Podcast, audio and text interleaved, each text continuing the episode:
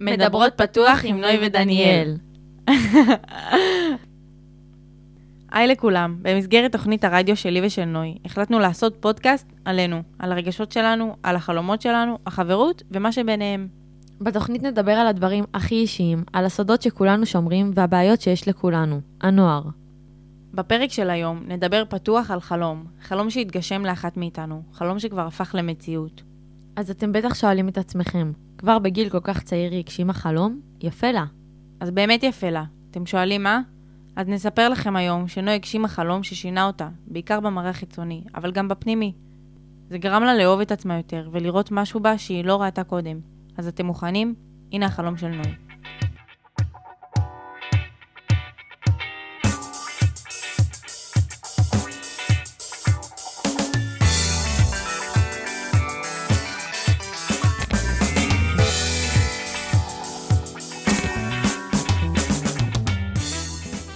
מאז שאני קטנה, יש לי חלום. חלום שידעתי שאני אגשים מתי שיגיע הרגע הנכון לו, אבל אף פעם לא ידעתי מתי זה יגיע.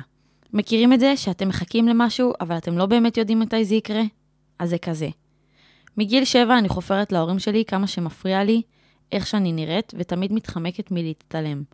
מה שלא כל הילדים עושים. כי הרי אתם יודעים, ילדים אוהבים להצטלם. אבל אצלי זה היה שונה. ביסודי, שהיו מתבקשים להצטלם בטיולים שנתיים, אני הייתי הצלמת. וכשהיינו נוסעים לחו"ל כל המשפחה למקומות יפהפיים, ואמא הייתה רוצה שנצטלם, ישר אחרי זה הייתי בודקת איך יצאתי, ומוחקת לתמונות לא יפות שלי. תבינו, מאז שאני קטנה, אני חולת שליטה. חולת שליטה על כל מה שקשור לאף שלי. ועד היום, שעברו הרבה מאוד שנים, ואני כבר בת 17, כלום לא השתנה. עדיין קשה לי מאוד ללכת עם חברים ולעשות תמונה קבוצתית. אני תמיד מתחבאת מאחורה, ועדיין זה לא עוזר כי אני גבוהה. אז אני מבקשת שיצלמו מהטלפון שלי, ואחר כך כמו ילדה קטנה בודקת את התמונות, ומוחקת מה שלא אהבתי. גם כשהיה לי חבר, פחדתי. פחדתי שהוא יסתכל עליי בצורה שונה, שהוא לא יאהב אותי בגלל זה, כל מיני מחשבות שהכנסתי לי לראש, גם כשהן לא היו נכונות. אבל היום, היום זה נגמר. היום זה היום שבו אני אומרת לאמא שלי שאני רוצה לעבור ניתוח אף, שאני רוצה להגשים את החלום שלי. היו לי המון מחשבות על זה, והחלטתי לשתף את אמא שלי בהן. אמא, יש לך חששות לגבי הניתוח? יש לי המון חששות, אה, את הבת שלי ואני הכי אוהבת אותך בעולם. החשש הכי גדול שלי הוא מהמעשה עצמו, שאולי אה, כשתעשי את הניתוח תסתכלי אחר כך ותגידי וואלה זה לא מה שרציתי. זה לא מה שחשבתי שיקרה ואולי את תצטערי על מה שאת עושה. ומבחינה כלכלית יש לכם איזשהו בעיה? מבחינה כלכלית אל תדאגי, אנחנו תמיד נהיה שם בשבילך ותמיד נהיה מאחורייך, אה, אנחנו רוצים את הכי טוב בשבילך. מבחינה כלכלית זה באמת אה, בעיה שלנו ואותה אנחנו נפתור ביחד, את לא צריכה להיות חלק מזה. אחרי שדיברנו על זה, הכל התקדם מאוד מהר. פגישה עם המנתח, וכבר אחרי חודש קבעו לי ניתוח. ה-15 לשלישי 2021. זה התאריך שנקבע לי. כמה ימים לפני חופשת פסח, כדי שאני לא אפסיד לימודים. אז רוצים לשמוע איך הכל הלך? את האמת, שלא ציפיתי לרמת כאב כזאת. התעוררנו בחמש בבוקר, אני, אמא, אבא וג'וני, הכלב שלי, שקם מכל תזוזה שלנו. הכנתי לי שוקו, כמו כל בוקר רגיל. רק שהבוקר הזה לא היה רגיל. ארגנו את הדברים ויצאנו לאוטו. נסיעה שארכה שעה וחצי, ומתוכה לא הפסקתי להצטלם מכל זווית, שיישאר מזכרת מהאף הקודם. ואז הגענו. את האמת שלא הייתי בלחץ, אבל אמא שלי כן. תאמינו לי שבחיים שלכם לא ראיתם אישה כזאת לחוצה. אבל בואו נחזור לעניין, והוא שלא מצאנו את הבית חולים. אז אתם בטח תגידו לעצמכם, איך אפשר לפספס בית חולים? אז תדעו שאפשר. כשהגענו לשם, היה בערך שש וחצי לפנות בוקר. האחיות היו נראות כמו בסרטים, לבושים מדי ניתוח וחלוק. ואז הכל התחיל, פגישה עם המרדים, עם הרופא המנתח, ושאלות בלתי פוסקות. היי, אני המרדים. היי. את נוי, נכון? כן. כמה שאלות קצרות לפני הניתוח. את מעשנת? לא. את בהיריון? לא. האם יש לך אלרגיות למשהו? לא. האם עברת פעם ניתוח בהרדמה מלאה? לא. החלוק הכחול שהביאו לי היה גדול עליי בעשר מידות, אבל בדבר אחד שיקרו לי. בתור אחת שרואה אנטומיה של גריי, וכל רופא שם יותר חתיך מהשני, אצלי במציאות זה לא קרה. הרופאים הישראלים, כמו הגברים הטיפוסיים, היו קרחים ושמנמנים. אפילו הסטאג'ר שגלגל אותי בכיסא לחדר ניתוח, והוא היה צעיר יחסית. עליתי על המיטה, התחילו למדוד לי לחץ דם, ושמו לי סטורציה. הרופא המרדים כבר התחיל בעבודתו. אמרתי לעצמי, נוי, את בטח לא תירדמי, זה לא ישפיע עלייך. והתחלתי לספור מ-10 ל-1. וכשהגעתי לאחת, לא קרה כלום, הייתי ערנית ביותר.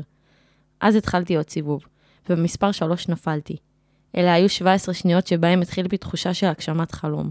17 שניות שבהם אמרתי לעצמי, נוי, מפה יש דרך חדשה. אחרי שעה וחצי של ניתוח, יצאתי לחדר התאוששות, ושם קמתי ללא אף אחד לידי. כל מה שביקשתי זה מים ואטימה. הגרון שלי שרף מהצינור של החומר הרדמה, והיו לי בחילות וצמרמורות. תוך כדי שאני מטושטשת, שמעתי את אמא שלי שואלת בקבלה אם היא יכולה לראות אותי, והתחלתי לבכות. לחשתי בצעקות, אמא, אני פה, בואי. ראיתי את הלחץ על הפנים שלה. אמרתי לה שאני בסדר ושתירגע, זה מאחורינו. רק שלא ידעתי שרק עכשיו הכל מתחיל.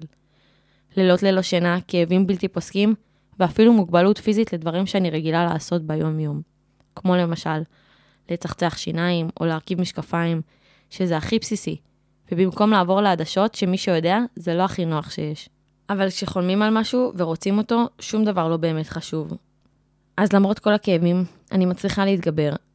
אני חושבת קדימה, אני חושבת על התוצאה, וכמה שרציתי את זה. למרות שאף אחד לא מכין אותך לרגע הזה, שאתה מגשים את החלום שלך, ובמיוחד שהוא חלום כואב. אחת הבעיות הגדולות שהיו, זה שאף פעם לא אהבתי להצטלם, ובטח שלא מהצד, שרואים לי את הפרופיל. ואנחנו, בעידן כזה של מדיה, שחשוב לכולם להצטלם ולהראות דברים שאנחנו חווים, ולשתף כל הזמן. אז איך אפשר היום שלא להצטלם? להצטלם באירועים, להצטלם במסעדות, ליד הים, בפגישה עם חברות. זה תמיד פוגש אותך, בכל מקום. אף פעם לא באמת הרגשתי בנוח עם עצמי. זה קשה לעמוד מול המראה ולא לאהוב את מה שיש, כי החיסרון שיש בך עומד מול העיניים, וקשה לראות בו את הטוב. אני לא אוהבת להסתתר, זו לא אני, אבל אין ברירה. עד שמגיע הרגע ואתה גורם לזה להשתנות. אז היום, אני חודשיים אחרי, ולמרות שהתהליך עוד ארוך, אני רואה משהו שאף פעם לא ראיתי, ואני אוהבת את זה. אני שמחה שעשיתי את זה. אני שמחה שההורים שלי והסביבה שלי תמכו בי. אז לכו ותעשו מה שעושה לכם טוב על הלב, ואל תוותרו על זה אף פעם.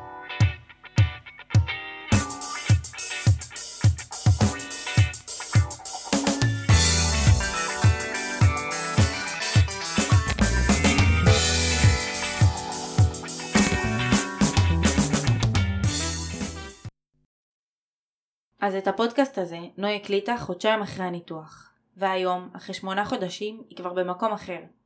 נוי, איך את מרגישה עם עצמך היום? איפה את עומדת מבחינת הביטחון שלך מול המצלמה למשל? את האמת אני מרגישה מעולה. אה, ברור שהביטחון נצבר לאט לאט, והיום אני מצטלמת רגיל ולא מוחקת תמונות מטלפונים של אחרים. אז אה, אפשר להגיד שקיבלתי את עצמי מאוד יפה אחרי הניתוח. ואני חייבת לשאול, זה עדיין כואב? זה לא כואב, אבל uh, אם נותנים מכות קטנות כאלה באף, אז uh, זה יכול לגרום לכאב של שבריר שנייה. ומבחינת הנשימה, נושמת רגיל או שיש כל מיני הפרעות בנשימה עדיין?